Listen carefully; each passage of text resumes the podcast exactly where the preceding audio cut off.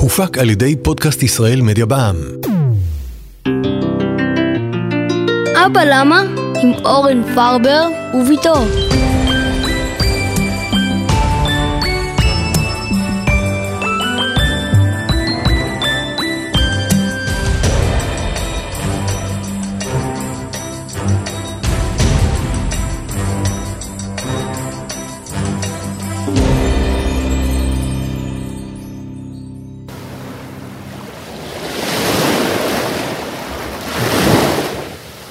וואו אבא, אתה קולט איזה חוף מושלם? את יודעת שבפעם הקודמת שביקרנו פה היית אה, בת שלוש? ונכנסתי למים? כן, חפרנו לך בור קטן, ומילאנו אותו בדליים מהים. חבל שאת לא יכולה לזכור. את היית כל כך נרגשת. אתה יודע שהיום אני מתכוונת לשחות המון. שימי לב, הים לא רגוע, יש דגל אדום. זה אומר שממש מסוכן? זה אומר שצריך להיזהר. יש לי רעיון. תראה, מימין יש גלים, משמאל יש גלים, אבל כאן מולנו ממש רגוע. יאללה, בוא ניכנס. זה רעיון לא טוב. דווקא כאן הכי מסוכן. מסוכן? אבל למה? בגלל זרמי סחף. זרמי סחף? נשמע מפחיד. כאשר לא מבינים, הכל מפחיד. אבל כשמבינים, הפחד פוחת בהרבה. אבא, אז אני רוצה להבין. אתה יכול להסביר לי מה זה זרמי סחף? בכיף. את יודעת, כאשר יש גלים, מים מהים נעים לכיוון החוף. זה די ברור. עכשיו, המים שהגיעו לחוף צריכים לחזור לים, נכון? ברור. אז המים נסוגים באותה דרך שבה הגיעו. לזה אתה קורא זרם סחף? לא. אז למה אתה מתכוון? וואו, אבא, כבר ממש בא לי להיכנס. תסתכלי שנייה על הים ותנסי לדמיין. מים מגיעים לחוף, וכשהם חוזרים לים, הם פשוט נסוגים באותה דרך שבה באו. אבל לפעמים למים קל יותר לפרוץ חזרה אל הים, לא בהכרח באותה דרך שבה הם הגיעו. הנה, תביאי את המקל, אני אצייר לך על החוף. תראי, מימין אלינו באים גלים, וגם משמאל אלינו באים גלים, וביניהם יש זרם שמחזיר את המים אל תוך הים. זה זרם סחף? אה, זה כמו נחל שזורם פנימה מהחוף אל תוך הים, בין אזורים שבהם יש גלים.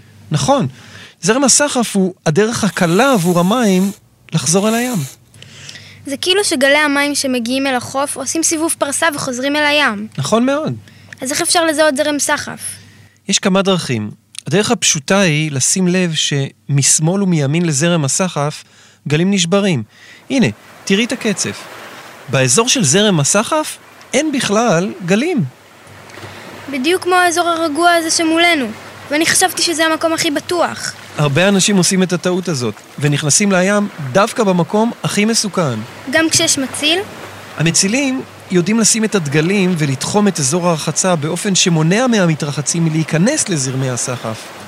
אבל מה מסוכן כל כך בזרם סחף? את יודעת, קראתי פעם שארבע מכל חמש טביעות, בארץ וגם בעולם, נגרמות כי אנשים פשוט לא מבינים כיצד להתמודד עם זרמי הסחף. מה, אנשים פשוט נסחפים לתוך הים וטובעים? לא, הם דווקא מנסים לחתור חזרה. ולא מצליחים? זו בדיוק הטעות. כאשר הים רגוע יחסית, זה אפשרי, אבל אם הים קצת גלי וסוער, זרם הסחף די מהיר, ואי אפשר להתגבר עליו בשחייה. אפילו שחיינית אלופה, כמוני? אפילו שחיין אולימפי או לוחם בשייטת. כאשר מנסים לשחות נגד הזרם בחזרה לחוף, מתעייפים מהר מאוד, מאבדים כוחות ובולעים מים. זה עלול להסתיים באסון, את יודעת, כל הסיפור הזה יכול להימשך פחות מדקה. אז מה צריך לעשות? דבר ראשון והכי חשוב, לא להיכנס למים כאשר אין מציל. אוקיי, אבל נגיד שמישהו התחיל להיסחף. במקרה כזה, הכלל הוא לעולם לא להיאבק בזרם. מה, אז הוא יסחוף אותנו פנימה. נכון, אבל ככל שמתרחקים מהחוף, הזרם הולך ונחלש. עד שהוא נבלם, הוא משתלב עם המים שמסביבו אחרי מקסימום 100 מטרים. רק במצב הזה יש לשחות חזרה, אבל מסביב. מה הכוונה מסביב? תסתכלי פה בציור. את זוכרת שאמרנו שמשמאל ומימין לזרם הסחף יש גלים? כן, והסחף הוא הפרסה שבאמצע. נכון. אם אין מציל בסביבה, הדרך הבטוחה היא לחזור לחוף דרך המקומות שבהם יש גלים. הם כבר יחזירו אותנו בסופו של דבר ליבשה. תמיד צריך לחפש את הקצף של השבירה ולכוון לשם.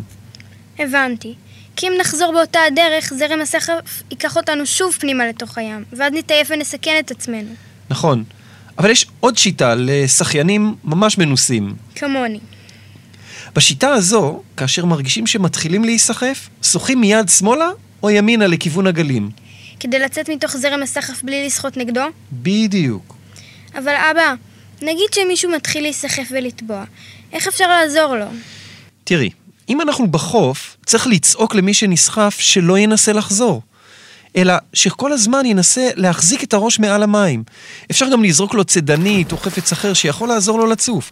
בכל מקרה, הכי חשוב לשמור על קור רוח ולא לאבד כוחות. זה גם ייתן למציל יותר זמן להגיע. את לגמרי צודקת. אבא, תגיד, מה זה בעצם לטבוע? כלומר, מה קורה שטובעים? זו שאלה טובה. ודרך אגב, מעט מאוד אנשים יודעים את התשובה. אבל אתה יודע, נכון? גם את תדעי בעוד דקה. תראי, תביעה מתחילה כאשר מים נכנסים לקנה הנשימה. מה, אפילו כמה טיפות? כן. ואז יש מנגנון אוטומטי שאוטם את קנה הנשימה. בעצם אלו מיתרי הקול שנסגרים ולא מאפשרים למים נוספים להיכנס. אה, כדי שמים לא ימלאו את הריאות, נכון? בדיוק. אם לא ייכנסו עכשיו לקנה הנשימה מים נוספים, קנה הנשימה ייפתח, והכל בסדר. אבל אם יש עדיין מים, הקנה ייסגר, וגם אוויר לא יוכל להגיע לריאות. מצב זה נקרא תביעה יבשה.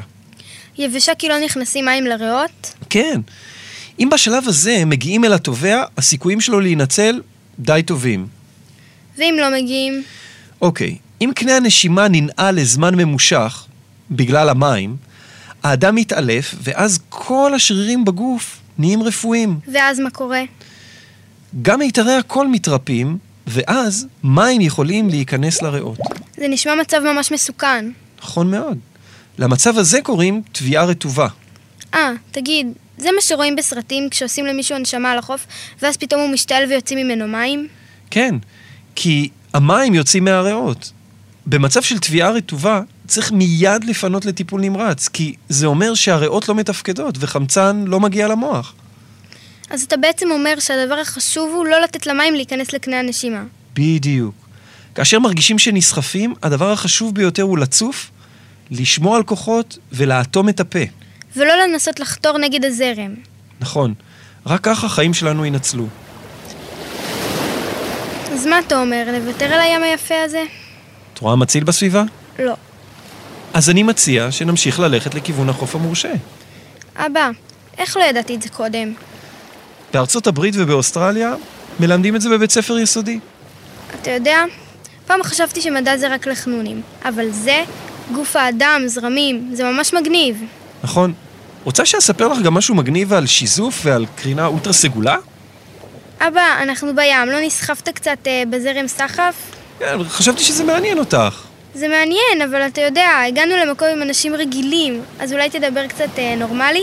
נורמלי? כן, אתה יודע, במילים רגילות שאנשים מבינים. אוקיי, אני מבטיח להשתדל.